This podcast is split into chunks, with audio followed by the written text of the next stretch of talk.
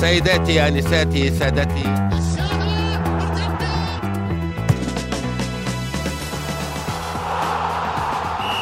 السلام عليكم ورحمة الله وبركاته. حياكم الله في حلقة جديدة من بودكاست مرتدة الذي يأتيكم من شركة ثمانية للنشر والتوزيع.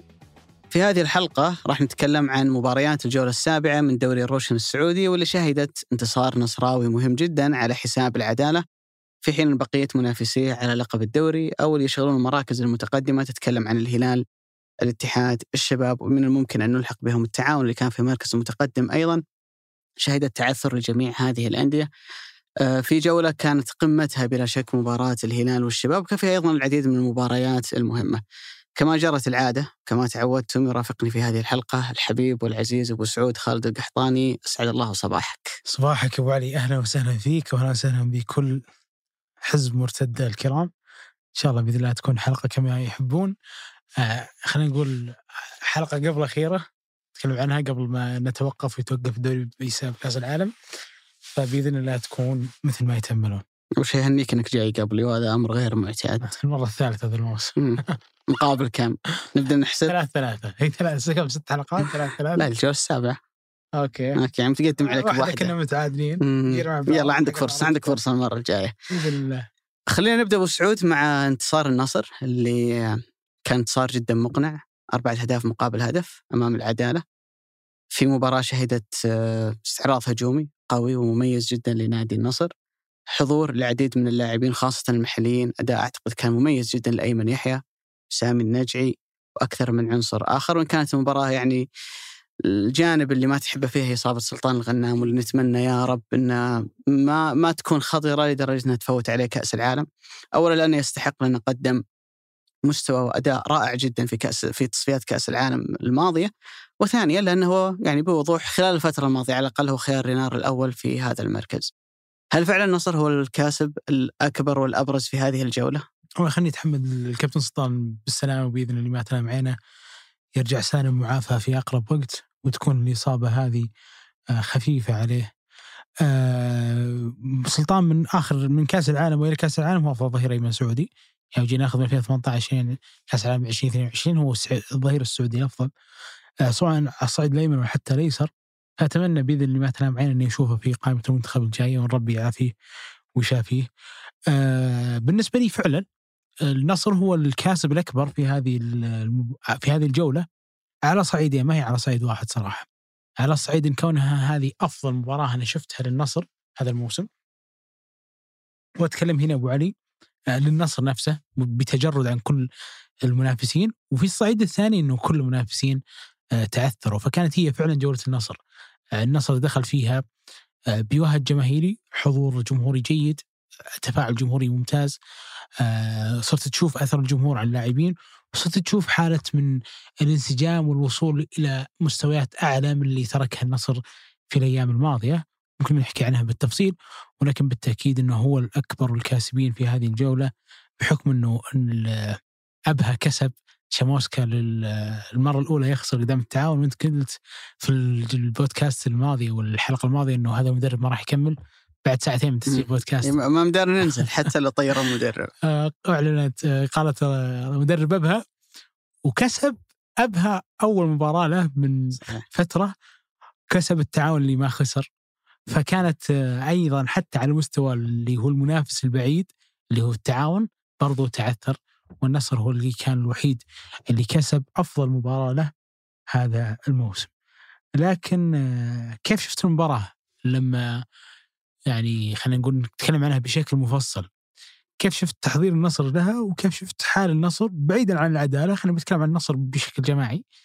وش اللي تغير في هذا النصر لدرجة إن إحنا اليوم ما أدري تتفق معي ولا لا إنها أفضل مباراة للنصر هذا الموسم. صحيح يعني أصلا من بعد العودة الأخيرة اللي كانت توقف المنتخب آه، في الأسبوع الفيفا الماضي مباريات متقاربة جدا في ضغط مباريات تكلم تقريبا كل يومين ثلاثة أيام في عندنا جولة فما في فارق زمني طويل بين الجولات وبتلاحظ إن كل الأندية تبدأ نوعا ما تعمل بعض التدوير الشباب في الجولة الماضية على سبيل المثال طلع واحد يمكن أهم لاعبي كارس جونيور لاعب. بوبنزا واللي كانت امام الرائد من أجل تحضير لمباراة الهلال نفس الامر ينطبق على الهلال وعلى الاتحاد بقية الأندية اللي تحاول تعمل بعض المداورة. في النصر لا أنا شفت إنه بالنسبة لرودي جارسيا كان يفضل دائما إنه يعتمد على التشكيلة الأساسية. مع الوقت بدأ يبان إنه خلاص في لاعبين هو ثبتهم في مراكز. يعني على سبيل المثال في فترة الإعداد كان يلعب كثير بعبد الله مادو. لكن لما بدأ الموسم من الواضح إنه يبغى يعتمد على ثنائية ألفار وعبد الاله العمري ما لم يصب أو يغيب أحدهما مثلا للإيقاف أو لأي سبب آخر. فما يحب إنه يسوي تغييرات كثير. أه صح إنه اشتغل مع مجموعة كبيرة من اللاعبين ولعب كثير من المباريات الودية في الصيف فبالتالي هو على اطلاع بمستويات كثير من اللاعبين. لكن أعتقد إن الفكرة اللي عند رودي جارسيا إن في هالمرحلة تحديدا أنا أحتاج إلى إني أثبت على عناصر من أجل ثبات العناصر سيؤدي إلى إنه الأفكار اللي أنت تطلبها من اللاعبين مع الوقت جودة تطبيقها راح يعلى وهذا الأمر يمكن لاحظناه في المباراة الأخيرة أمام العدالة تحديدا في الجانب الهجومي شكل الفريق هجوميا أفضل بكثير من اللي شفناه في الجولات السابقة وإن كان النتيجة أربعة وقبلها بأسبوع أو بأيام فاز على أبها بثلاثة لكن في ظني على مستوى الفاعلية الهجومية خلق الفرص سهولة الوصول للمرمى هي ممكن أفضل مباراة لعبها النصر آه هذا الموسم. المباراة هذه يمكن تكلمنا عن ثبات التشكيلة ولكن أيضا في عنصر جديد يلعب أساسي أعتقد لأول مرة اللي هو أيمن يحيى. وكما لو إنها رسالة من رودي جارسيا لبقية اللاعبين إن الثمن اللاعب في التشكيله الاساسيه هو غالي وعالي جدا. اللاعبين اللي أخذوا فرصة في الفترة الماضية مثل خالد الغنام اللي في بداية الموسم مثل عبد الرحمن غريب. إذا ما في فاعلية ما في إنتاجية ترى في لاعب آخر ثاني ممكن يأخذ مكانك.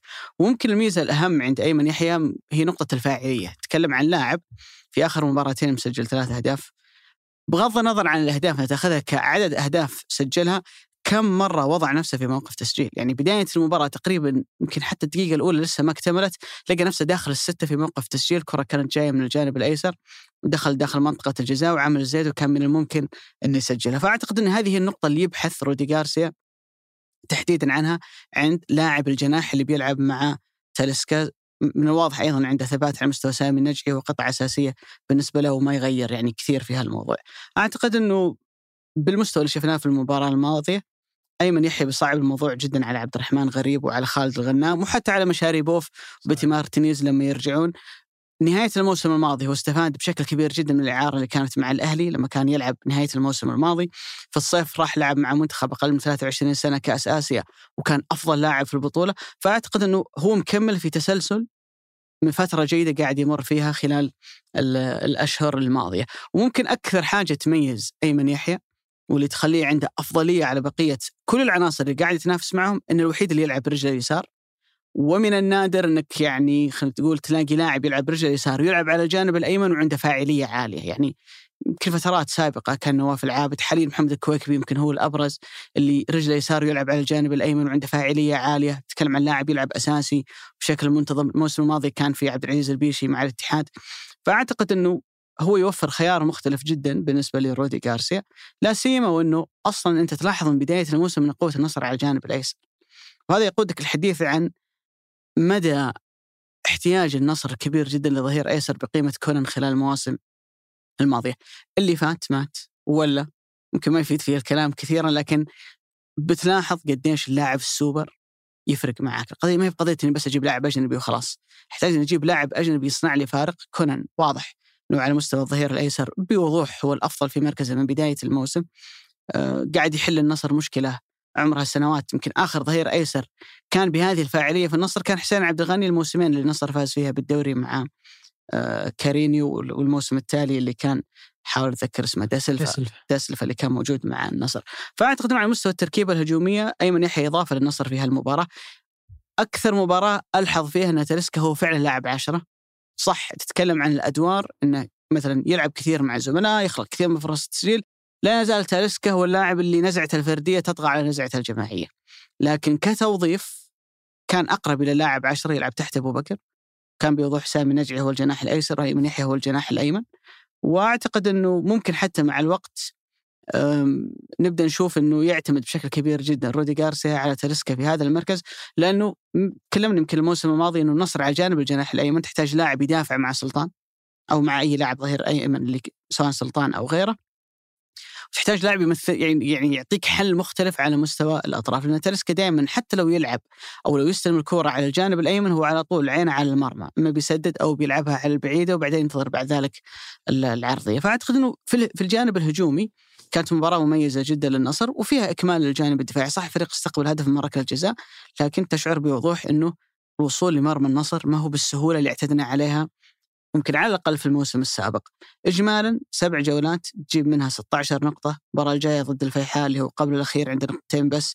لو تفوز فيها وتوصل 19 من 24 تكون ضيعت خمس نقاط فقط. تنهي الفترة اللي هي ما تسبق كأس العالم على فرض أن الشباب راح يفوز على الخليج. وأنت في المركز الثاني وبفارق ثلاث نقاط فقط عن صاحب المركز الأول وأعلى من الهلال اللي هو بطل الدوري في آخر ثلاث نسخ أعتقد أنه هذه بداية أقدر أقول عنها أنها ممتازة للنصر. أه تخليه يروح لفترة التوقف وهو عنده لا يزال في المنافسة لأنه النصر خلال الموسم الماضي ترى في الغالب بنهاية الدور الأول ما تقدر تعتبر النصر منافس حقيقي. يعني فقدان النقاط اللي يصير في بداية الدوري يؤثر على الفريق بعد ذلك. تجي عند الفريق فترات جيدة في منتصف الموسم زي الموسم الماضي أول ما جاء روسو. كانت فترة جيدة أعتقد حقق فيها سبع أو ثمان انتصارات متتالية. تجيك فترات في نص الموسم لكن كان دائما النصر ما يدفع ثمن الإخفاق اللي يصير في البداية. فأعتقد أنه بعد مضي سبع جولات شكل النصر فنيا ما هو مقنع لدرجة أنك تقول أنه الفريق ما عنده مشاكل ولا هو مقنع لدرجة أنك تقول عنه أن المرشح الأول للدوري لكن مجرد وجودك في المنافسة مجرد وجودك ضمن الثلاث الأوائل أو حتى الآن زي وضعك كوصيف وإنك توريني إن الفريق قاعد يتطور جولة بعد جولة أعتقد إنه هذا هو المهم. لأنه مثلا لو بنجي بعدين نتكلم عن الهلال في نزول في المستوى، الاتحاد مرة فوق مرة تحت، لكن لما تحس إنه في تصاعد آخر أربع مباريات تستقبل فيها هدف واحد، عندك تميز دفاعي، هجوميا قاعد تسجل، على الرغم من إن أبو بكر وتلسكا ما هم في أفضل حالاتهم لا تهديفيا ولا على مستوى الأداء لأنك أنت قاعد تكسب نتائج كبيرة أعتقد إن هذه مكاسب عديدة للنصر.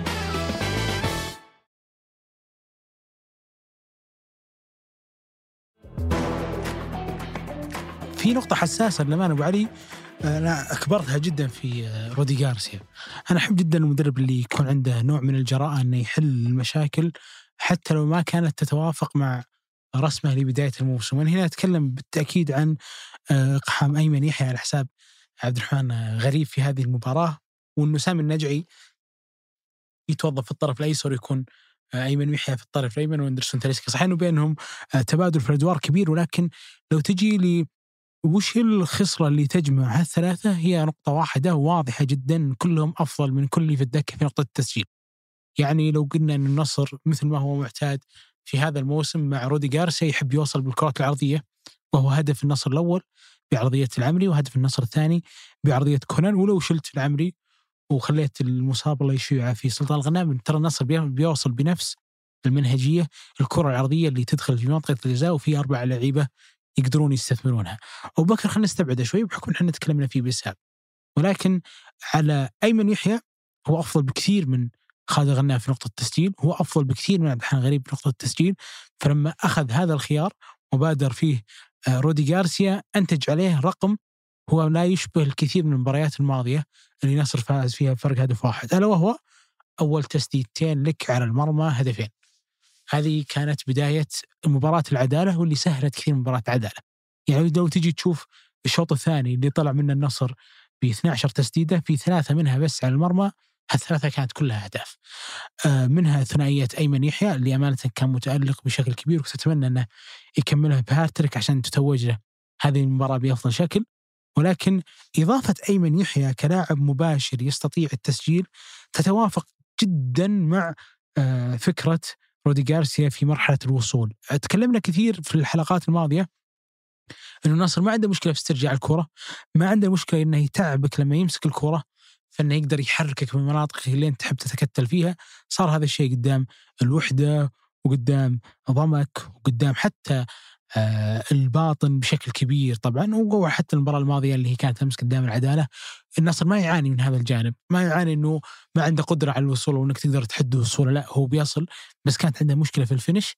تتوافق مع إنه فنسنت أبو بكر ما هو في أفضل حالاته ولا يتوقع إنه بيكون الحل الأول لنادي النصر حتى في بداية الموسم.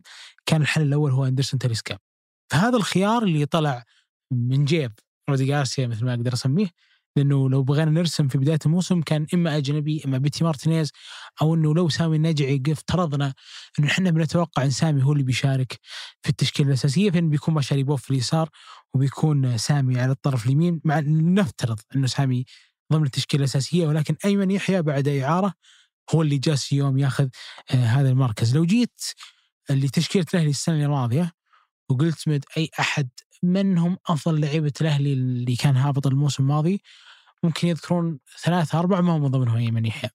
فأيمن ما طلع من موسم كويس وحتى أيمن وغريب لو تحطهم في كفة واحدة قدام أي أهلاوي الموسم الماضي ما راح يرجح كفة أيمن. لكن جارسيا كان عارف جدا أنه هذا الشاب عنده الشيء اللي ينقصني فأقحم في هذه المباراة. التوقيت جدا ممتاز للأمانة. يعني هذا التوقيت يمكن حتى يوصل أيمن للمنتخب لو تألق في المباراة الماضية. وهذا اللي صار فعلا لنادي النصر. أيمن وسامي اللي خلاهم يشاركون اليوم يعني عبد الرحمن غريب وخالد غنام هو قدرة هذا الثنائي على الإنتاجية. وهذا أمانة هو العتبي الكبير جدا على عبد الرحمن غريب. يعني أنا شفت كل مباريات الأهلي الموسم الماضي وكنت يعني أدقق النظر في الحالة الفردية لعبد الرحمن غريب. عبد الرحمن لاعب رائع جدا في المساحة لاعب رائع جدا في أي كرة تطلب في آه، خلينا نقول فراغات كبيرة. يعاني كثير من نقطة الإنتاجية الهجومية. وأحيانا عنده مسألة تردد ممكن كلمتك أبو علي عن مباراة الاتحاد لما لعب الأوت له من كونان وضغط العبود على كونان وكان غريب هو اللي فاتح فلما جاء الباص رجعها لكونان مرة ثانية. ما أخذ أحس المبادرة. هذا واحد من أكثر الأشياء اللي ما آخذي أنا جدا على عبد غريب. في النقيض تماما أيمن يحيى. اللي يتذكر هدف أيمن يحيى على الهلال في مباراة الهلال والنصر اللي كانت نهائي بداية 2021 آه، اللي كانت مباراة كاس السوبر. أيمن يحيى لما أخذ الكرة باليمين شدتها باليسار على طول في الزاوية الميتة لحبيب الطيان وتسجلت. أمس نفس الحال كرتين من تطيح قدامه ياخذ المبادرة ويسدد. هذا هو الحال اللي ما يحدث أبدا أمانة لعبد الحان غريب ولي آه، حتى خالد الغنام. آه، كل ذلك أمانة صار أو كل هذا التوهج صار للنصر. أرجع أقول هو عمل تراكمي، الشيء اللي أنا ما شفته في النصر طوال السنين الماضية وشفته هذه السنة من بدايتها لما كنا نتكلم في أول حلقة يعني النصر ما كان فيها مقنع لكن كنا نقول إنه النصر ما هو فريق اللاعب الواحد ولا حتى اللاعبين ولا فريق النجوم. يعني ما هو فريق مرابط وحمد الله آه، ما هو فريق آه، تاليسكا أو اي أحد هو فريق رودي جارسيا تشعر إن هناك منظومة تقدر آه، تعوض أي لاعب بتعويض لأنه الأدوار واضحة فلما يغيب الصريهم اليوم الخيبري افضل كثير من الصريح بالنسبة لي. لما يجلس غريب على الدكه يشارك واحد مثل ايمن يحيى. هذه العناصر يملكها النصر من السنين الماضية لكن في system في نظام لعب. هذا النظام يكفل لكل لاعب أن يحظى بفرصة عادلة وأن يخرج أفضل ما عند أي لاعب متميز. وهذا الشيء اللي كان باين جدا في النصر ترى حتى في نقطة إنه عبد الله العمري يتوظف في الظهير الأيمن وإلى حد ما جالس ينجح. لأن ال system جالس يساعد. عشان كذا وارد النصر ما ينجح هذا الموسم لأن ما في إلا بطل واحد في الدوري وارد جدا. ولكن بالتأكيد لو استمر رودي جارسيا لموسم ثاني بتشوف النصر عنده أساس يبني عليه. يعني بتقول في نهاية الموسم النصر بيحتاج مهاجم بدال في ست بكر مثلا. بيحتاج لاعب طرف يمين. بس ما راح تقول إن النصر بيحتاج يبني من الصفر يجيب سنتر مثل ألفارو يبني لأوسبينا يبني لكونان يبدأ يعطي محليين أكبر وقت ممكن لأنهم معدومين المشاركة في السنين الماضية. رودي جارس اليوم جالس أمانة يصنع في النصر هذه البصمة، ما أدري هل أنا بالغ لما أقول إنه لما أشوف الفريق يستعيد الكره بأسرع شكل في نفس الوقت ما يعاني في مرحله الوصول. إنها صنعت مدرب خالصة بالنسبة لي. أو إن هذا هو الواقع. اللي صاير في النصر لو بتحلل وتفكك النصر في المواسم الماضية وفي ظني إنه أي فريق يعني لا يمر بفترة جيدة أنا ضد إنك تعلق السبب دائما على نقطة واحدة تقول النقطة هذه هي مشكلة الفريق ولو حلت الفريق سيرجع الوضع الطبيعي وإنما أصلا الفريق دائما يكون داخله عدة مشاكل لو بترجع للنصر خلال الموسم الماضي تحديدا في عدة مشاكل من بينها مشكلتين إلى الآن أنا أشوف إن رودي جارسيا نجح في التعامل معها. الأولى هي تخليص الفريق من الصبغة الفردية من كون الفريق مرتكز بشكل كبير جدا على تأثير وقدرة تلسكا على انه يحل لك الكثير من المواقف اللي الفريق حرفيا بالعاميه ورطان ما هو بلاقي حل في المباراة. يأتي تاليسكا وينقذك ويجيب لك مثلا نقاط أنت ما كنت لتكسبها، اليوم تشعر إن الفريق إنه جماعي أكثر، حلول التسجيل متعددة، متنوعة الفريق يلعب بشكل جماعي أكثر مما كان عليه في السابق. النقطة الثانية تكلمنا عنها في المرة الماضية اللي هي الجانب الدفاعي، الفريق يعني بوضوح دفاعيا أعلى بكثير مما كان عليه في الموسم الماضي. اليوم على مستوى استقبال الأهداف عنده ثلاث أهداف من سبع جولات، ما في أفضل منه في في هالرقم إلا ال ال ال الاتحاد والشباب اللي كل واحد منهم استقبل هدفين وأعتقد إنه ثلاث أهداف من سبع مباريات حصيلة جيدة جدا للنصر إذا ما اعتبرنا أيضا إن واحد منها أتى من ركلة آه، جزاء. لو بنرجع للحديث عن أيمن يحيى وبقية العناصر الموجودة على مستوى الجناح تحديدا في نوعية لاعبين أبو سعود قال عنه إنه لاعب فانتسي. يعني لاعب كل جوله يحط لك يعني زي زي آه، فودن حاليا. هالاند أيه لا هالاند مهاجم. أتكلم عن لاعبين الجناح. زي فينيسيوس مثلا زي في. في ريال مدريد. يعني فينيسيوس تقريبا لا تكاد تمر مباراة لا يسجل يا يصنع. وفعلا هذه هذه هي مشكلة خالد الغنام ومشكلة عبد الرحمن غريب الإنتاجية. إنك في كل مباراة تضع بصمة أما من خلال التسجيل أو خلال الصناعة أو إنك من الواضح إنه أنت الكورة لما تجيك تقدر تنقل الفريق إلى موقف هجومي واعد وحقيقي إن الفريق يقدر يسجل منه. أكثر من كونك لاعب بارع في تبادل الكرات. وهنا أنا ما أقول إن أيمن يحيى هو لو نجي نرتبهم ايمن يحيى خالد الغنام سامي النجعي آه، عبد الرحمن غريب حتى عبد الفتاح عسيري لما يكون موجود أو مشاري بوف إذا بندخله معهم. ما أقدر أقول إن ايمن يحيى هو رقم واحد كتقييم عام من بين هؤلاء اللاعبين لكن على مستوى الإنتاجية. إذا أنت تبحث عن لاعب منتج هو إذا ما كان الأول فهو الثاني. وهنا تجي أنت الفكرة إنه خ- لاعب هو مناسب لأسلوب لعب. ايمن يحيى هو رقم واحد بالنسبة للمدرب في أسلوب اللعب هذا. بينما لاعب مثلا عبد الرحمن غريب هو رقم واحد في أسلوب لعب ثاني. لو النصر مثلا فريق يلعب للاستحواذ تبادل الكرات يطلع الفريق كبلوك في نصف ملعب المنافس ويبدأ يدور اللعب يحاول يخلق يعني اختراقات بينية من الأطراف أو من العمق بيفيدك اللاعب كثير اللي يعرف يحافظ على الكورة اللي يعرف ياخذ الكورة من الظهير ويعطيها اللاعب الوسط ويرجع يستقبلها ويلعب التبادلات هذه. أنا بقول لك عبد الرحمن غريب هو رقم واحد بالنسبة لك في في هالموضوع.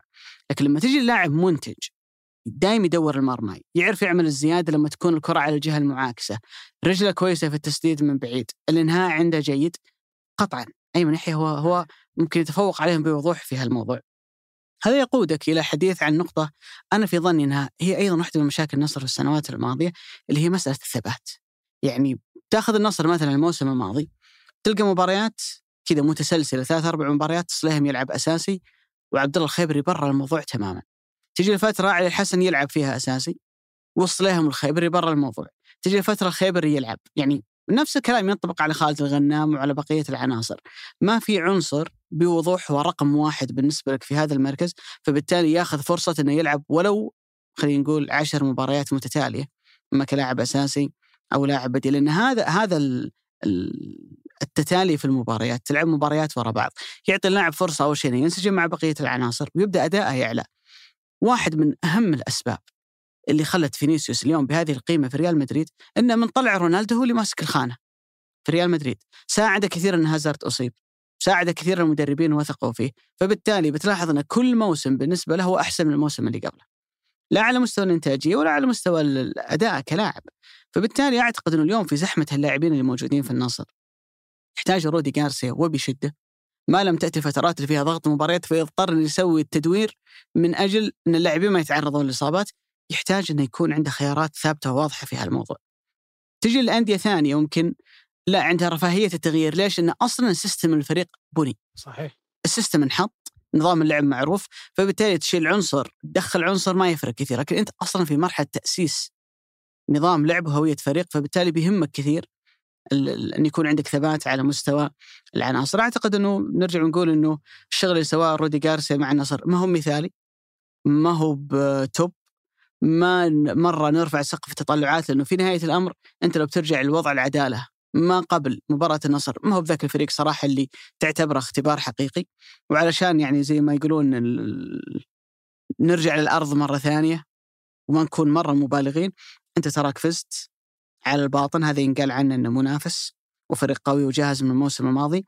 أنت من أصل انتصاراتك الخمسة اثنين منها مع فريقين صاعدين اللي هم الوحدة و مين غير الوحدة لعب معه؟ والعدالة. ولعبت مع الباطن اللي في وضعية سيئة جدا فهذه ثلاث مباريات أنت فزت غيرها فوزين فقط اللي كانت على ال-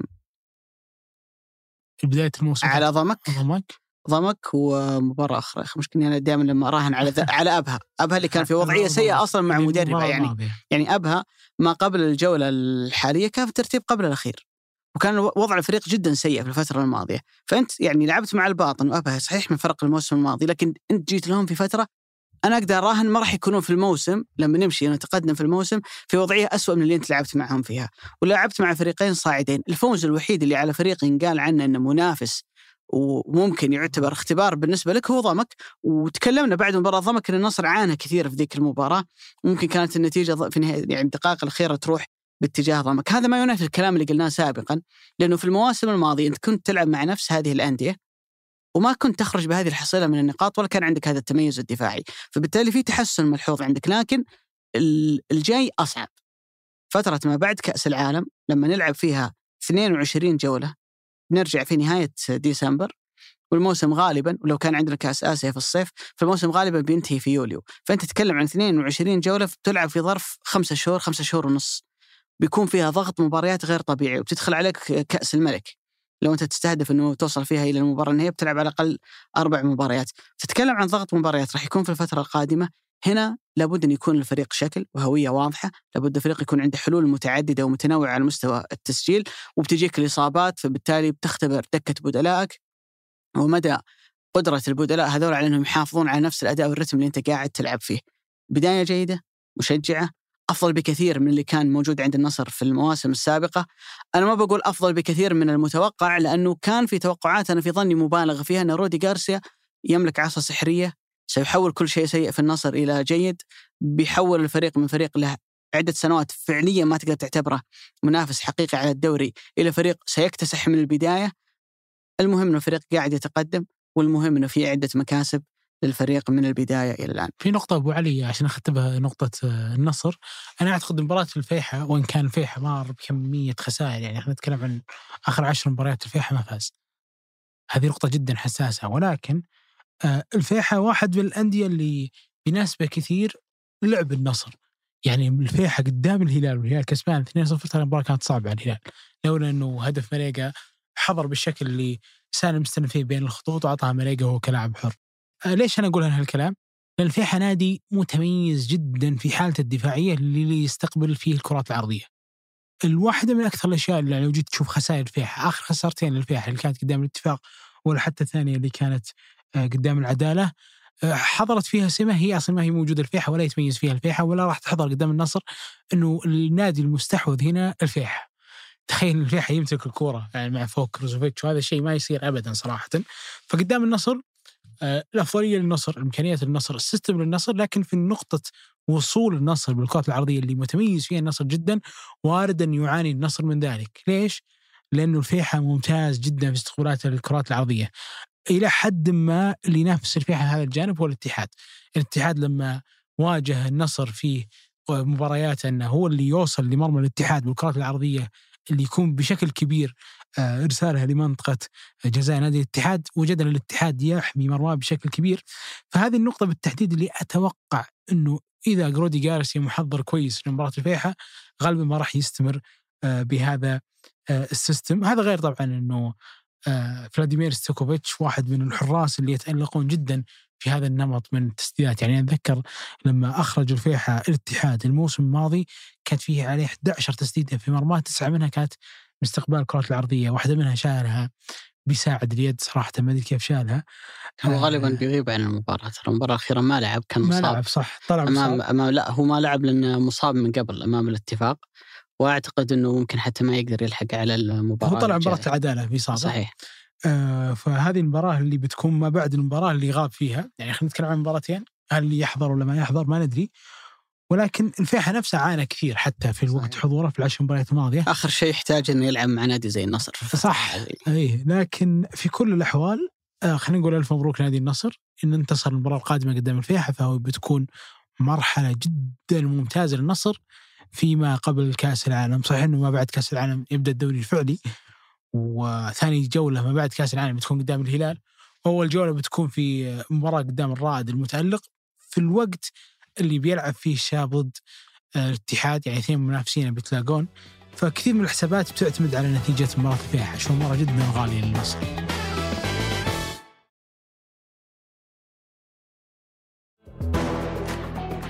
ثاني المباريات اللي يمكن تعنينا في هالجولة كانت مواجهة الاتحاد وضمك في أبها وسجل الاتحاد ضد أبها ضد عفوا ضمك في في أبها. في ملعب المحالة تحديدا ما هو بجيد. الفريق ما سجل أي انتصار.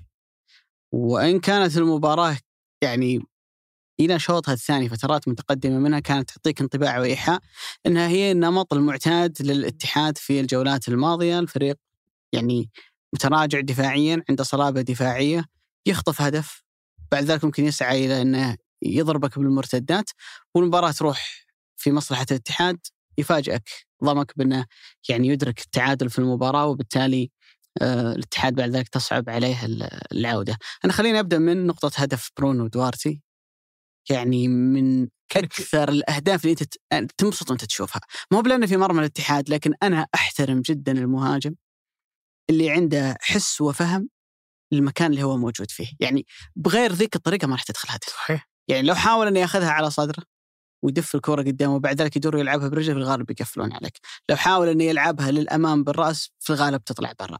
هي ما تلعب إلا بهالطريقة.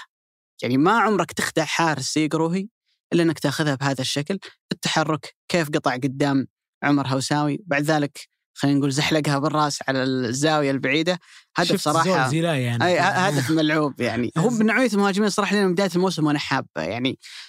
لاعب رهيب جدا في موضوع تحضير الكرة ابدا. لا موضوع تحضير الكرة للزملاء هو مو بلاعب مباشر يعني. إنك دائما تعطيه كوره في ال 18 لا هو مرة ممتاز في عملية الضغط يبرد القلب في عملية لو أنت مدرب تطلب من مهاجمك إنه أضغط.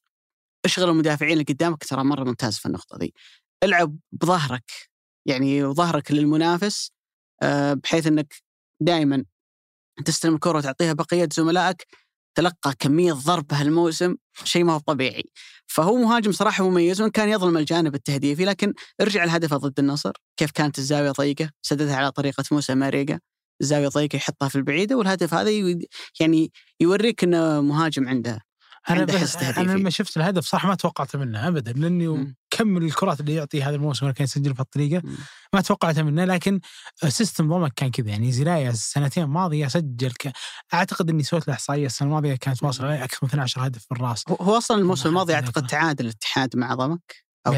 هدف زي بنفس الطريقة. عرضية كانت بنفس ال...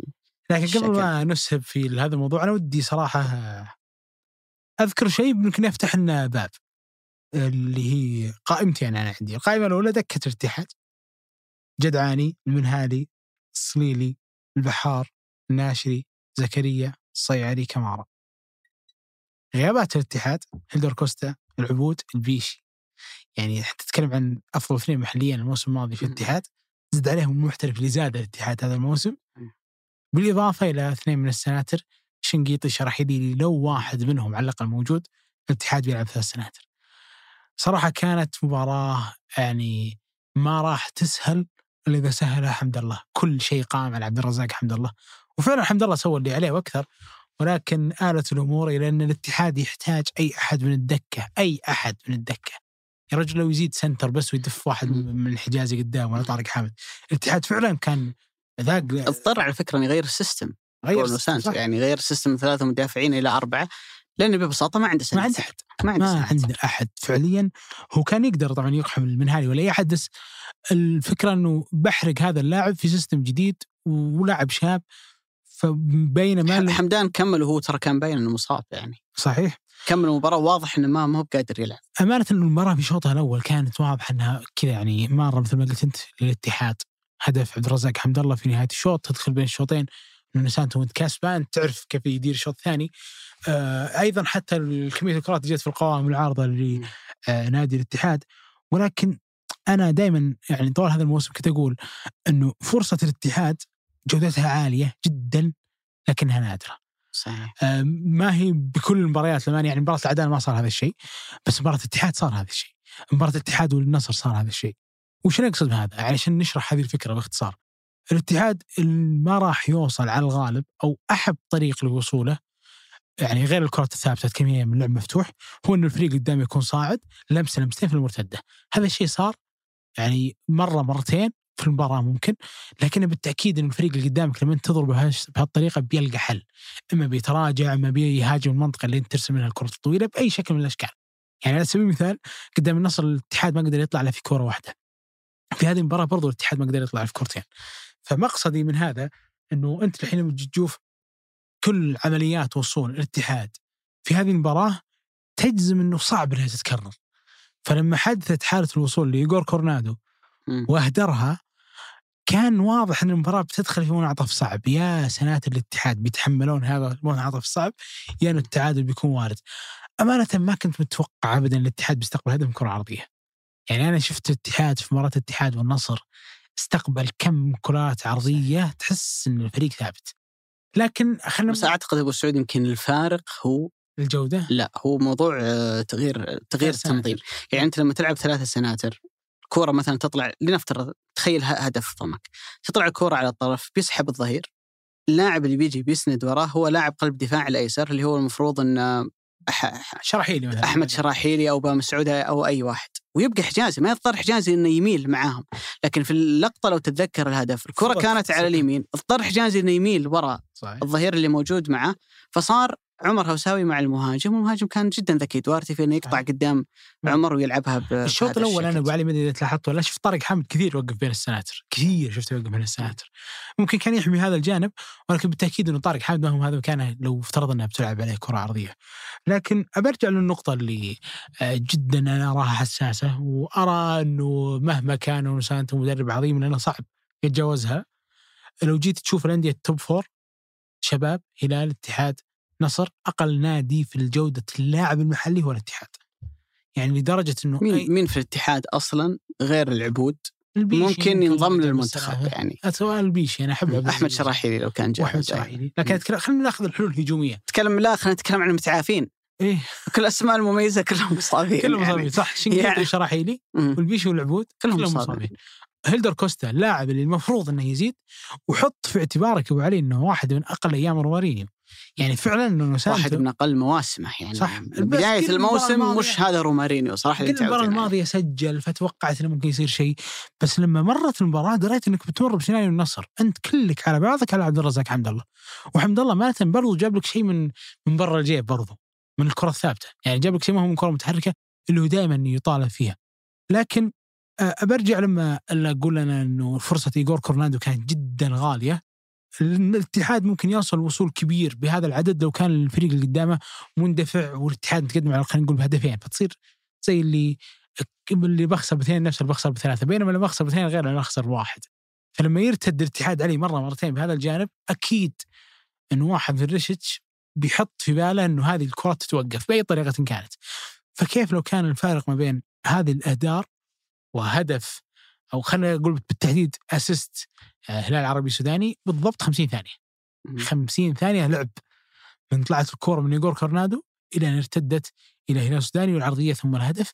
أمانة من تسجل هذا الهدف بدأ يعني يجيني شعور إنه لو كان في هدف ثالث في المباراة فهو الضمك الضمك صحيح. انه كمية التبديات اللي صارت يا لاعب منقطع مثل الصياري ما لعب يا لاعب شاب مثل زكريا أو الناشري اللي أدواره دفاعيه آه، هذه أتوقع أنا بتذكر بعد لما كنت نتكلم بداية الموسم لما كنت أقول هذا الفريق مو اللي صنعه آه، نونو سانتو. ممكن اللي يدرب اليوم نونو سانتو بس ما هي صنيعته ما هي تراكماته ما هي قراراته ولا حتى صفقاته. ممكن هيلدر كوستا الوحيد الصفقة اللي جابها. فتعثر أمانة صعب على الاتحاد إحنا لعبنا سبع جولات في شهرين تقريبا من بداية الموسم. جالسين نتكلم عن كل ما يخطر على بالك من أشكال الإصابات صارت في الاتحاد. إصابات أثناء المباراة، إصابات شد عضلي زي اللي صار الكابتن عبد الرحمن العبود في في الإحماء ومختلف أنواع الشيء بتدخلات وشيء كذا إصابة عضلية فما بالك لما نجي للفترة اللي تكلمنا عنها قبل شوي لما كان حديثنا عن النصر اللي بتلعب فيها 22 جولة في فترة زمنية تكون مباريات جدا فيها مضغوطة مع ملاحظة إنه أنت ما تسجل لاعبين في الشتوية، فهذا أمر لابد إنك تضعه في حسبانك لما تنتظر من هذا الفريق إنه يكون منافس للفوز بلقب هذا الموسم لأن اعتقد الموضوع بهذه الوضعية وبالإصابات اللي قاعدة تصير في الاتحاد الموضوع جدا صعب. أنا خليني أرجع لفرصة كورنادو في ملامة كبيرة على ايجور على إهدار الفرصة. لكن ترى فعليا هي هو كان عنده ثلاث يعني ثلاث قرارات سوى اثنين منهم صح. وصح لدرجة تقدر تقول إن هذا تصرف مثالي لكن ما وفق في الأخيرة. الكورة في الأساس هي ما هي ب assist ولا هي بتمريرة هي تشتيت تشتيته من برونو هنريكي. الكورة قاعدة طايرة وتلف في الهواء. صعب جدا وأنت تسوي عليها control كورنادو يعني اللمسة الأولى كانت جدا رائعة إن حط الكورة قدامه في المساحة الفاضية. صح. فبالتالي أنت هنا بتجري أنت بتسبق المدافع عليها. وهو يجري لما حس إن المدافع أعتقد إن حسن الشمراني خلاص في ظهره قرب منه خذ الكوره على اليمين فبالتالي أنت خلاص تحط المدافع في ظهرك. عزله فعلا. خلاص أنت ألغيت الآن قدرة المدافع على على إنه يقدر يسبقك على الكوره أو يعمل آه، سلايد تاكل ويأخذها خلاص الكوره في حوزتك تبقت بس الإنهاء. مع خروج مصطفى زغبة هو قدر إنه بالتشب لما يعملها كذا سقاطية زي ما يقولون إنها راح تدخل في المرمى. ما وفق الكرة طلعت برا لكن هي أصلا ما كانت بتكون فرصة تسجيل. لولا لمسته الأولى ولولا طلعته اللي أخذها على اليمين اللي حط المدافع في ظهره لكنه ما وفق في اللمسة الأخيرة. ويمكن نتكلم عن هالنقطة في مباراة الهلال والشباب إضاعة قالوا لل للبلنتي إن أصلا المباريات يعني خاصة في شوط المباراة الثاني هي متقلبة. معلش السيتي يمكن أكثر فريق عانى من التقلبات هذه في دوري الأبطال. كيف المباراة شرق في لحظة ممكن تتحول غرب في الاتجاه الثاني؟ أستون فيلا. الاتجاه الثاني تماما. فأعتقد إنه فعلا أنت مثل ما ذكرت لما سجل الهدف لضمك فعليا تحس الاتحاد استنفذ حلوله. ولو الاتحاد بيراهن بيراهن على إنه مجددا يقدر يسجل من كرة ثابتة. وفعليا الاتحاد اليوم لولا إنه الفريق بارع في الكرات الثابتة الفريق كان بيكون عنده مشكلة هجومية جدا. تكلمنا الأسبوع الماضي عن فكرة نونو سانتو وأنا أرجع وأقول هو سيصر على أفكاره طالما هي تنجح. هذه من المباريات اللي تثبت لك إنه أنت دفاعيا ممكن تضرب في غفلة. في خطأ في التمركز في خطأ في التنظيم لذلك في ظني دائما الفرق اللي تستهدف تفوز بالدوري لابد يكون عندها تركيبة وليس حلول فردية من اللاعبين وإنما تركيبة هجومية تخلي الفريق بدل ما يوصل مرتين ثلاث مرات يوصل في المباراة 10 مرات 15 مرة فبالتالي تزيد من فرصك للتسجيل ولو أنت استقبلت هدف عندك القدرة مرة ثانية إنه أنت تحول المباراة لمصلحتك حتى لو كان باقي 10 دقائق أو ربع ساعة من نهاية المباراة. في المجمل هو تعادل أنا في ظني أنه مخيب بالنسبة للاتحاد. آه ضمك فريق محترم جدا من الموسم الماضي وحنا نشيد فيه وأعتقد إنه مع ريزيتش هو واحد من الفرق صراحة اللي أنت تحب تشوفها في الدوري. صحيح. حتى لو يخسر تحس إن الفريق له وجود وله حضور في المباراة يجاريك يقارعك. فبالتالي أعتقد إنه من جانب ضمك هي نقطة مهمة جدا ولكن من جانب الاتحاد تكلم عن ثلاث تعادلات في سبع جولات ثلاث تعثرات مقابل أربع انتصارات ما هي بالحصيلة اللي كان جمهور الاتحاد آه، يطمح إليها ويأمل فيها. وممكن أقول أيضا عن الاتحاد اللي قلته عن النصر الجاي أصعب لأنه الدكة ما تسعفك وما عندك فرصة تتعاقد في الشتوية فالوضع بيكون جدا صعب عليك في فترة ما بعد كأس العالم. مباراة الجولة جبت طاري قالوا انت مباراة القمة ديربي الهلال والشباب خليني أسألك سؤال يا ابو سعود قبل ما نتكلم في تفاصيل المباراة. إذا بنقارنها مباراة الاتحاد والنصر هل كانت المباراة ممتعة؟ مقنعة؟ هل أنت مع رأي خالد البلطان اللي قال عنها أعتقد مباراة عظيمة إذا ما كنت مخطئ في النقل؟ ولا هي مباراة كانت دون المستوى ومخيبه؟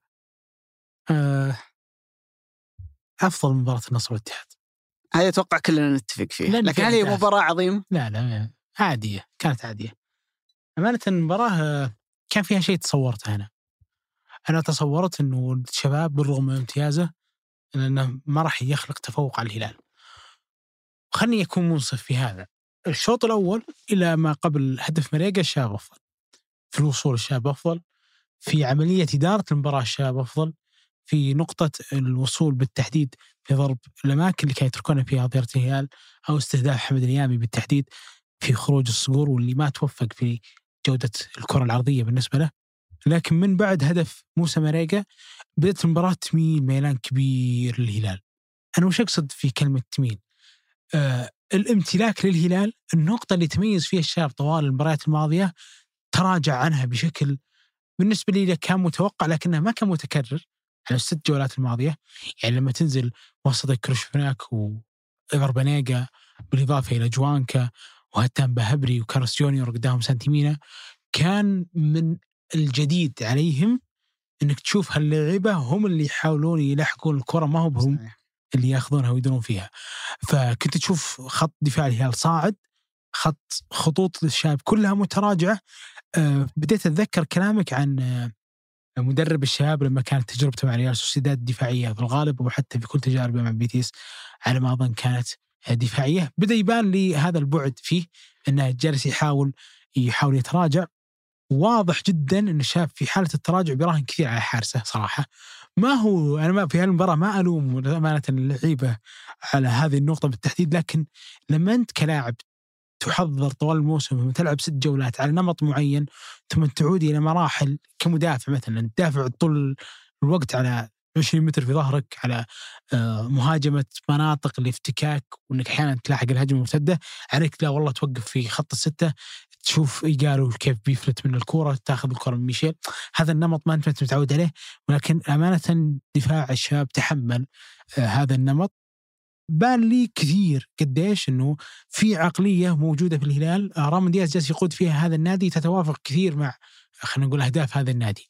إنه يغاب من نتكلم عن الغيابات ما ودي أكرر الكلام بس يغاب كم هذا الغيابات ويشارك اثنين من اللعيبة مثل جانج آه، كان مصاب جوستافو كيار كان واضح جدا إنه مو بجاهز. وكنت أتخيل بخوف لو إن الشباب أخذ المبادرة وسرع رتم المباراة صارت المباراة هجمة هنا وهجمة هنا. أكيد بتكون مصلحه الهلال ولكن جالس أتخيل كيف بيتحمل جوستافو كويلار كمية الخمسة الموجودين في عمق ملعب نادي الشباب بالإضافة إلى سانتيمينا أو حتى اللي نزل اللي هو الكابتن فهد المولد ما كان في أفضل حالاته.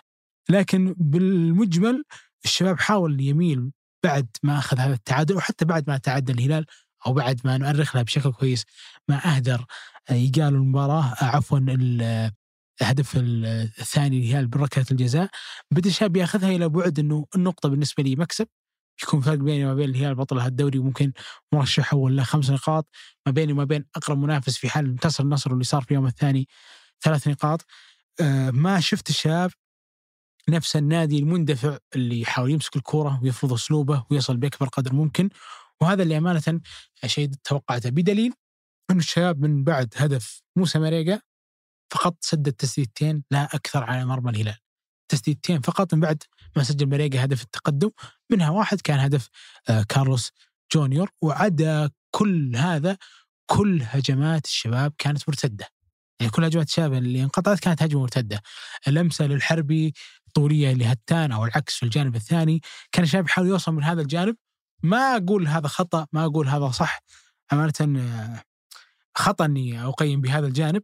ولكن الشباب ترك الأسلوب اللي هو كان يقدر إنه ممكن ياخذ الكرة إلى سجال أو المباراة إلى سجال إنه هجمة هنا وهجمة هناك يا تاخذ ثلاث نقاط يا ناخذها وهذا الشيء اللي كان داخل رامون دياز يدفع به بكل إمكانياته بدليل تبديلاته. آه إنه أنا بالنسبة لي حتى لو كنت مضروب بالغيابات هذه المباراة المفروض إني أفوز فيها. وهذا اللي أمانة شيء أنا اكبر رامون دياز. اتذكر أبو علي لما كلمتك المباراة الماضية مباراة اتفاق قلت لك أنا راضي لإدارة المباراة إنه أقحم صالح الشهري في وقت مبكر على حساب اليامي فكان يدفع المباراه إنه أنا أبي انتصر النتائج ما هي في يده ولكن في كل الأحوال آه، أعتقد في جانب واضح لي إنه إذا الشاب يستمر بهذا الأسلوب في بعض المباريات الكبرى يعني إذا قابل الاتحاد ولا الهلال ولا النصر تراه بيعاني من حالته الدفاعية خصوصا إنه لعيبة عمق ملعبه أعمارهم متقدمة وبدون كره أكيد ما راح يعطونك كثر ما عندك وحتى حسين القحطان لما بينزل ما راح يعطيك هذا البعد إنه يحميك من كل الهجمات اللي تتعرض لها لأنه ما هو مميز كثير في الجانب البدني أو جانب الافتكاك. هل كان الأسلوب اللي لعب فيه الشباب ضد الهلال أو الفكرة اللي اتبعها في سنتي مورينو في هالمباراة صحيحة؟ بالنسبة لي نعم. أنا أنا سألت نفسي قبل شوي سؤال أنا بالنسبة لي نعم وبقول ليش. ما تقدر إنك تغفل التاريخ. وأنا أتكلم عن التاريخ في شقين جانبين. اولا نتائج الهلال مع الشباب تتكلم فريق من 2014 ما فاز على الهلال تكلم ثمان سنوات ما حقق أي انتصار على الهلال. والهلال في آخر موسمين أحرز عليك يعني انتصارات كبيرة جدا في المرتين كان يفوز عليك بالخمسة.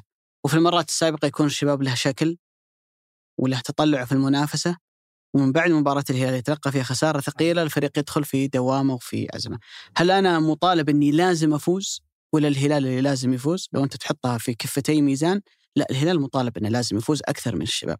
فبالتالي منطقي جدا. الجانب الثاني من التاريخ بغض النظر عن نتائج الفريقين هو الهلال قديش يلعب بالأسلوب اللي يعتمد على الاستحواذ وفرض الشخصية والسيطرة على وسط الملعب. من سنوات. الشباب كم صار يلعب هذا الأسلوب؟ ست جولات فترة أقل. ممكن حتى نلحق بها الموسم الماضي واللي قبل بس اتكلم عن الهلال. من عرفنا الهلال وهذا أسلوب.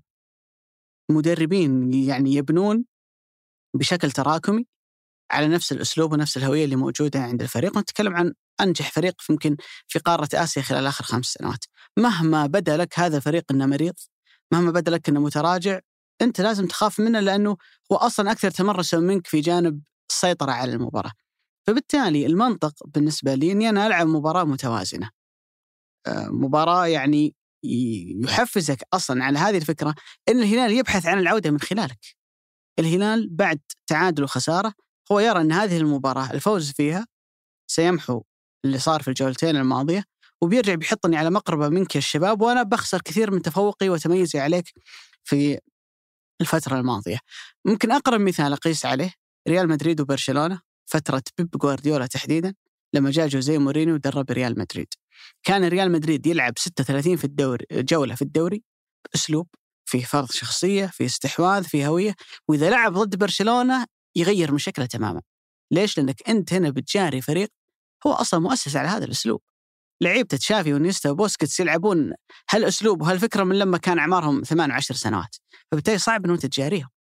فكثير كثير يعني من العقلانية والمنطق إنه أنت هي هو ليس جبن وليس خوف وإنما أنت تبحث عن الأسلوب اللي بيوصلك لنتيجة المباراة.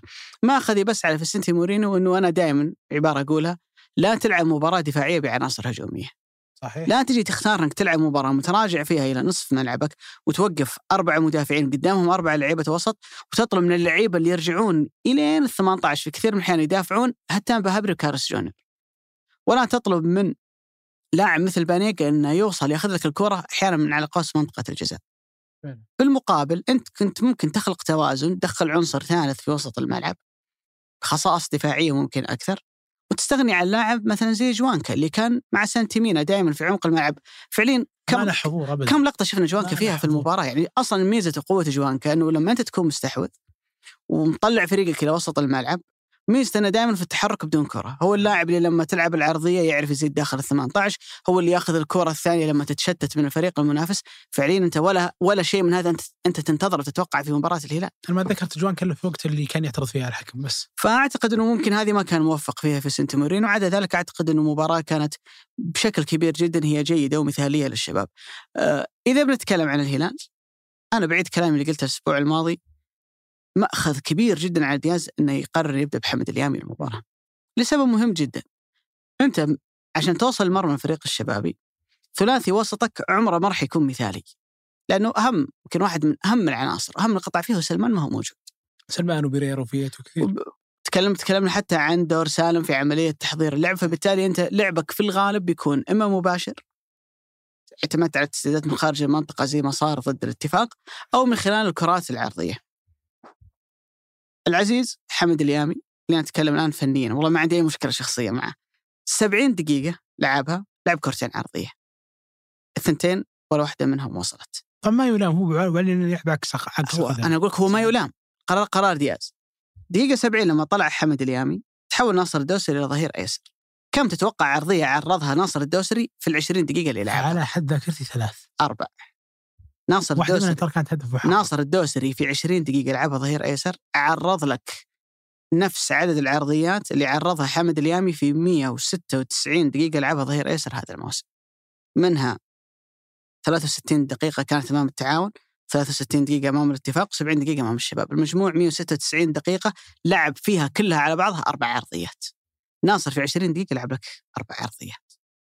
حل مهم جدا أنت تحتاجه. نرجع ونقول لما يكون نقاط قوتك أصلا ماريجا اللي هو يلعب على اليمين. مهم جدا بالنسبة لك العرضيات تجي من اليسار أكثر من تجي من اليمين. وأنت طول المباراة قاعد تلعب على جانب واحد. ممكن نتفهم في الفترات الماضية إنه الفريق كان عنده نقص حاد على مستوى وسط الملعب. المباراة هذه كويلار رجع. كاريو موجود وعلى غير العادة خليت كاريو يكمل المباراة وانت كنت تستبدله في المباريات الماضية. كنت تقدر تحط مكان ناصر الدوسري عبد العطيف كنت تقدر تلاعب عبد الإله المالكي. كنت تقدر تلاعب مصعب الجويري لما نزل. أداء كان جدا ممتاز. الشوط الثاني لما شارك. كنا تكفى نرجع المصعب فكان في أكثر من حل في يد دياز. لما يجي يقرر يختار تشكيلة البداية. وما يضطر إنه يلعب ناصر. وسط. طبعا خليني بتوقع الجانب بتوقع الجانب علي.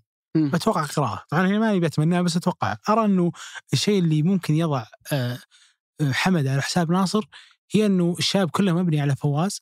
وانه الكرات اللي تلعب لفواز وإنه ما اني بقول هو أفضل ولا لا بس في راي دياز إنه محمد دياب على الأقل في الجانب السرعات هذه اللي فيها الدفاعية علشان ما يتعرض الفريق اللي تعرض له جميل. في مباراة الفتح لما لعبت الكرات الطولية لمراد باتنا إنه بحكم إن الشاب يميل دائما لهذه النقطة إنه تلعب الكرة البنيقة بنيقة طولية مم. للفواز فعشان ما ينحط ناصر في هذه المواقف ففضل إنه ناصر هو اللي يدعم حمد اليامي في هذا الجانب ما هو العكس. طب وش الأهم لقطتين الشباب كانت في المباراة؟ أنا أعتقد فرصة الانفراد والهدف. والهدف. الثنتين كلها جت بنفس الطريقة. إي بس التوقع كرة. وقت المباراة أبو علي غير كرة طو- قبلها صراحة. بس أنت تدرب اللاعب كل كل صحيح. يوم. لا، فبالتالي لا، لا، أنت كلا- تفهم قدراته الشباب كان تو- واضح انه توقع يستهدف الشباب. المساحة. أنا أتكلم توقع الشباب نفسه. ما كنت يعني ما أنا كنت أتوقع قبل المباراة انه الشباب يمسك. الكورة بس صراحة ما كنت أجزم. لأنه. ست مباريات الشباب هو اللي يحب يمسك الكورة. بس أنا أقول ممكن إنه هذا هو. لكن الغالب. أصلا اذا إذا كان الهدف الآن لما أتكلم عن لاعب الجانب الهجومي ملغي عنده تماما. ما يشفع لك إنك تكون كويس دفاعيا. أخطر وأهم لقطتين كانت للشباب في المباراة. كورتين يلعبها هتان بهبري لكارلوس جونيور في المساحة خلف حمد اليامي. صحيح. ياخذ الكورة من وراء كارلوس جونيور لما يلعبها زي الهدف. على طول وان تاتش كذا ياخذها على الطاير ويسجلها. ولا زي الفرصة اللي شالها المعيوف إنه ياخذ الكره في ظهرك وبعد ذلك ينفرد. وممكن تخلق له موقف تسجيل. فبالتالي لا اللاعب نجح في التأمين الدفاعي ولا قدم لك الإضافة الهجومية. وكرة كارس جونيور كانت ترى من الشوط الأول يعني. يعني- يعني اول تبديلات بالضبط. هو دائما في كل المباريات الماضية أول تبديلاتك. فليش الإصرار على الموضوع؟ أنا يعني مصعب موجود. لو قلنا إن المباراة مثلا ما يقدر عبد الله العطيف يلعب مباراة كاملة. يا سيدي لعب عبد الله العطيف شوط ولعب أو 60 دقيقة ونزل عبد الإله فيما بقي من المباراة. يعني في عندك أكثر من حل. تقدر تلعب باثنين محاور اثنين ستة كويار وعطيف أو أي لاعب ثاني وتطلع كاريو طرف يمين طلع ميشيل طرف يسار وتلعب مهاجمين 4 4 2 في يدك أكثر من حل. أنا ممكن في جولات سابقة كان مضطر لأن في عنده غيابات كثيرة فبالتالي يمكن أول مرة كان ضد التعاون ناصر جاي من مباراتين مع المنتخب ما هو بجاهز يلعب من البداية. لكن لما ناصر يكون فت وجاهز ويقدر يلعب أنا أعتقد إنه هي ما هي بقضية يعني الجانب الإيجابي من متى آخر مرة شفنا ناصر يلعب في مثلث الوسط؟ من زمان صحيح. من فترة هو يلعب أداء ناصر كان جدا مذهل بالنسبة لي يعني الكره اللي عرفت البلنتي اللي جاء من سعود عبد الحميد. كيف إن اللمسة هذه اللي على طول يعني كيف قراءة اللعب إن الكره جاية وبعدين يلعبها الباص الأول لاعب جريء في التسديد لاعب يعني أنا أشوف إنه للمستقبل بنرجع لنفس النزاع والنقاش الأول إنه ناصر يكمل ظهير ولا يكمل لاعب وسط لكن أنت في المباراة هذه ضد واحد هو هداف الشباب الموسم الماضي وأخطر لاعبيه اللي هو كارلوس جونيور. هداف الدوري. ما أعتقد إنه أنت كنت تحتاج تغامر إنك تلعب حمد اليامي من بداية المباراة. بضيف أنا أتوقع بالي إنه ما راح يغير ال system هو بس مصعب وكان حل وأنا أتفق فعلا كان المفروض مصعب هو اللي يشارك. وأنا أحب مصعب جدا. كلنا نحبه. أراه والله لاعب جدا رائع وممتاز وعنده خامة وعنده بوادر تطور جدا ممتازة وكل من أشرف عليه في الفئات السنية كان يتفق في هذا. ولكن في نقطة عتب بالنسبة لي كبيرة جدا صراحة على مصعب ألا وهو مجهوده الفردي أو عفوا مجهوده البدني لأنه أرى أنه في الكثير من الحالات لما يوقف مصعب أحس أنه لاعب عمره 26 سنة 27 سنة. يعني مثلا لو هو الآن المفروض إنه يقطع مسافات أكثر فهو على الأقل ما يقطع نصفها. وأنا إيش أقصد بنقطه المسافات؟ كلاعب عمرك 16 سنة لازم تكون عندك الحيوية والمرونة إنك تطلب الكرة في كل عرض الملعب اللي أنت تتوظف فيه. الكرة الثانية لازم تكون قريب منها. الإسناد للاعب اللي حامل الكرة لازم تكون عندك الحيوية إنك تأخذها. فيزيد هذا الحمل أو يزيد هذا اللوم بالنسبة لي لما أنت تنزل كلاعب بديل. فانت كنت يكون عندك أصلا تفوق لياقي. لكن مصعب اليوم في الكثير من الحالات اللي هو المفروض فيها إنه يأخذ عشر خطوات على الأقل يفك سبرنت للاعب يسند له إما إنه يسحب لاعب معه أو هو فعلا يأخذ الكرة تلقاه يوقف ويوقف ياخذ له نظرة. هو لاعب ممتاز صراحة وأنا دا أرجع أقول إني أفضله على كثير ترى من الأجانب. خصوصا في هذه المباريات. اسمح لي أبو سعود ما كانت هذه مشكلة ناصر أول ما بدأ مع الهلال؟ أمانة لا. خليني ارخ يعني غالبا غالبا شوف ترى غالبا اللاعب الفنان لاعب كسول. خليني أرخ له أبو علي. ناصر بدأ مع دياز العالم ترخ له مع جيسوس. ناصر بدأ مع دياز مع الهلال بعد نهائي أوراوا 2017 والكثير من المباريات فيها كان يبذل مجهود. أنا كنت أشوف ناصر ما عنده مشكلة إنه يقص إلى الطرف عشان يلعب كرة عرضية ثم يرجع مرة ثانية في عمق الملعب. بينما في هذا الوقت يعني حتى اللعيبة اللي يلعبون في كثر في الكثير من الأوقات على نظرتهم مثل سلمان الفرج بداياته تلعب مع كالديون ظهير يسار ثم توظف مع ريجي كام طرف يسار ثم رجع محور مع سامي ثم رجع محور لا أتكلم عن ناصر لما كان يلعب في الوسط. ما كنت تحس إن ناصر يعني شوف أنا أعتقد إنه في شيء إذا جازت التسمية أنا أقدر أسميها عقدة سلمان الفرج. إنه ناصر ومصعب الاثنين عندهم فرصة عالية جدا إن واحد منهم يكون بديل سلمان مستقبلا في الهلال. فبالتالي هو ينزل يبغى يسوي اللي يسويه سلمان، إنه أنا اللاعب الفنان الحريف وكلهم فنانين كلهم حريفين. اللي بلعب اللي بلعب على الواقف اللي الكورة تجيني لازم في كل مرة ألعب حاجة صعبة تجيني الكورة مثلا على اليمين لازم كذا فجأة ما تدرون لو طلعت الظهير حطيته كذا في موقف هجومي مميز. ترى من الذكاء إنك تلعب السهل. مش مطلوب منك إنك تلعب 90 دقيقة تلعب لي فيها 90 تمريرة صعبة. أصلا لمحاتك الفنانة في المباراة أو خلينا نقول المذهلة المفروض ما تتعدي ثنتين ثلاث. بقية المباراة بقية المباراة تلعب السهل تلعب الباص القريب السهل. أنا أشوف في نقطة ممكن أنا أقول إنه مصعب يحتاج إنه يفكر فيها بشكل جيد. هو لما يلعب في الهلال فئات سنية لما يلعب مع المنتخب السعودي وهو كابتن المنتخب أعتقد أقل من صحيح. 20 سنة أنت تلعب دور إنه أنت نجم الفريق. كابتن الفريق. تذكر زمان أبو سعود اول بلنتي اول ركنيه إنه انت أنت الطاغي في الملعب. فبالتالي أنت مش مطلوب منك هنا إنه أنت تجري كثير وتركض كثير. أنت بس تعطيني اللمسات الفنية.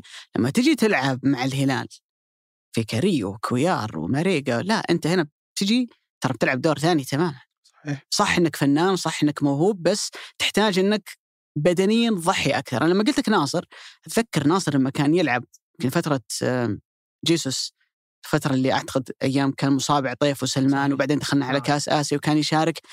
كنت أشعر إنه أنا ما بقول تعالي بس تحس إن اللاعب أرجع أقول عقدة سلمان. يمكن أفضل تسمية لطيفة بقول عقدة سلمان. انه أنا اللاعب الثقيل في الوسط اللي بس إني بس ألعب الباص السهل ما لا يمكن يمكن نقول إنه يلعب يمكن يلعب باصات صعبة كثير بس بلعب الباص الخلاق، الباص اللي بيطلعك في موقف واحد ضد واحد.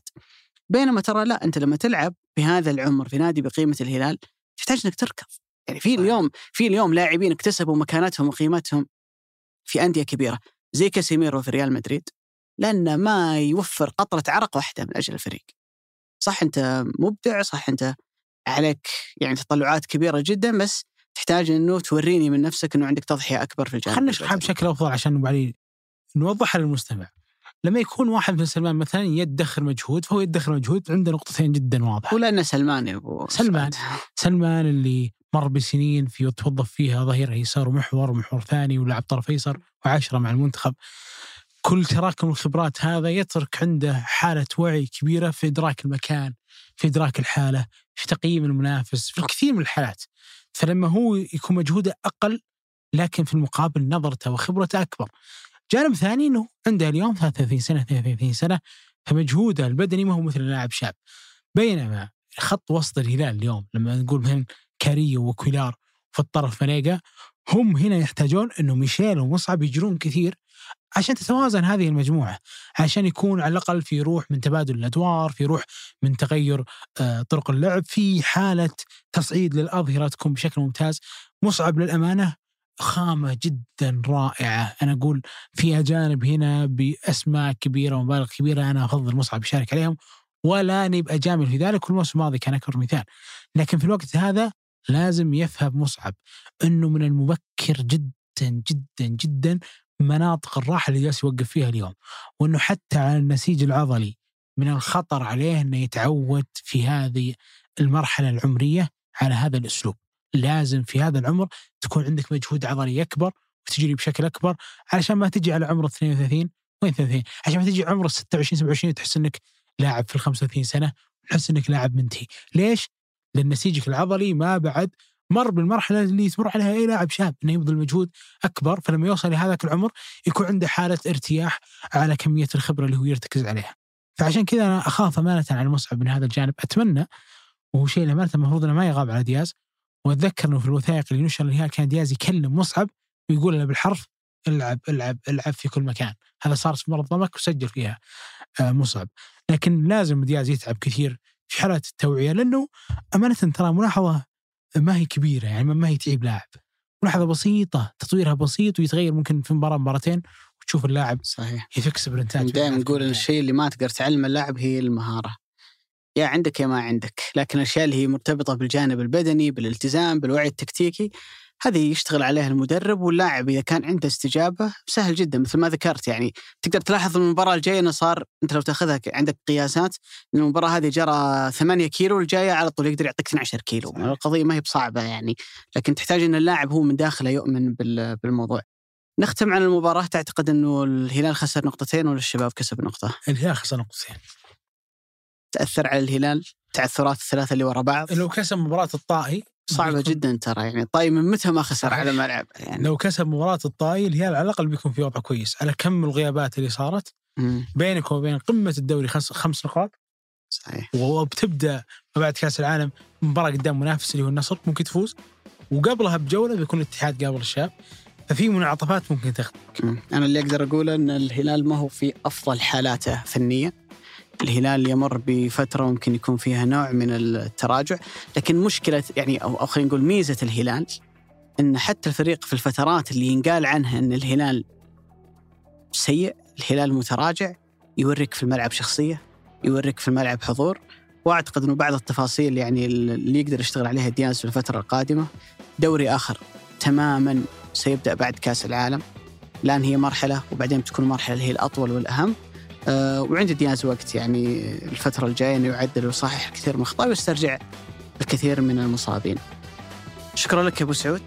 شكرا لكم وشكرا لعبد العزيز المزي في تسجيل وهندسة صوت هذه الحلقة في التحرير مرام ضميبان وفي الإشراف على الإنتاج صالح باسلامه هذا بودكاست مرتدة أحد منتجات شركة ثمانيه للنشر والتوزيع نلتقي بإذن الله بعد نهاية مباريات الجولة الثامنة يوم الاثنين القادم بإذن الله تعالى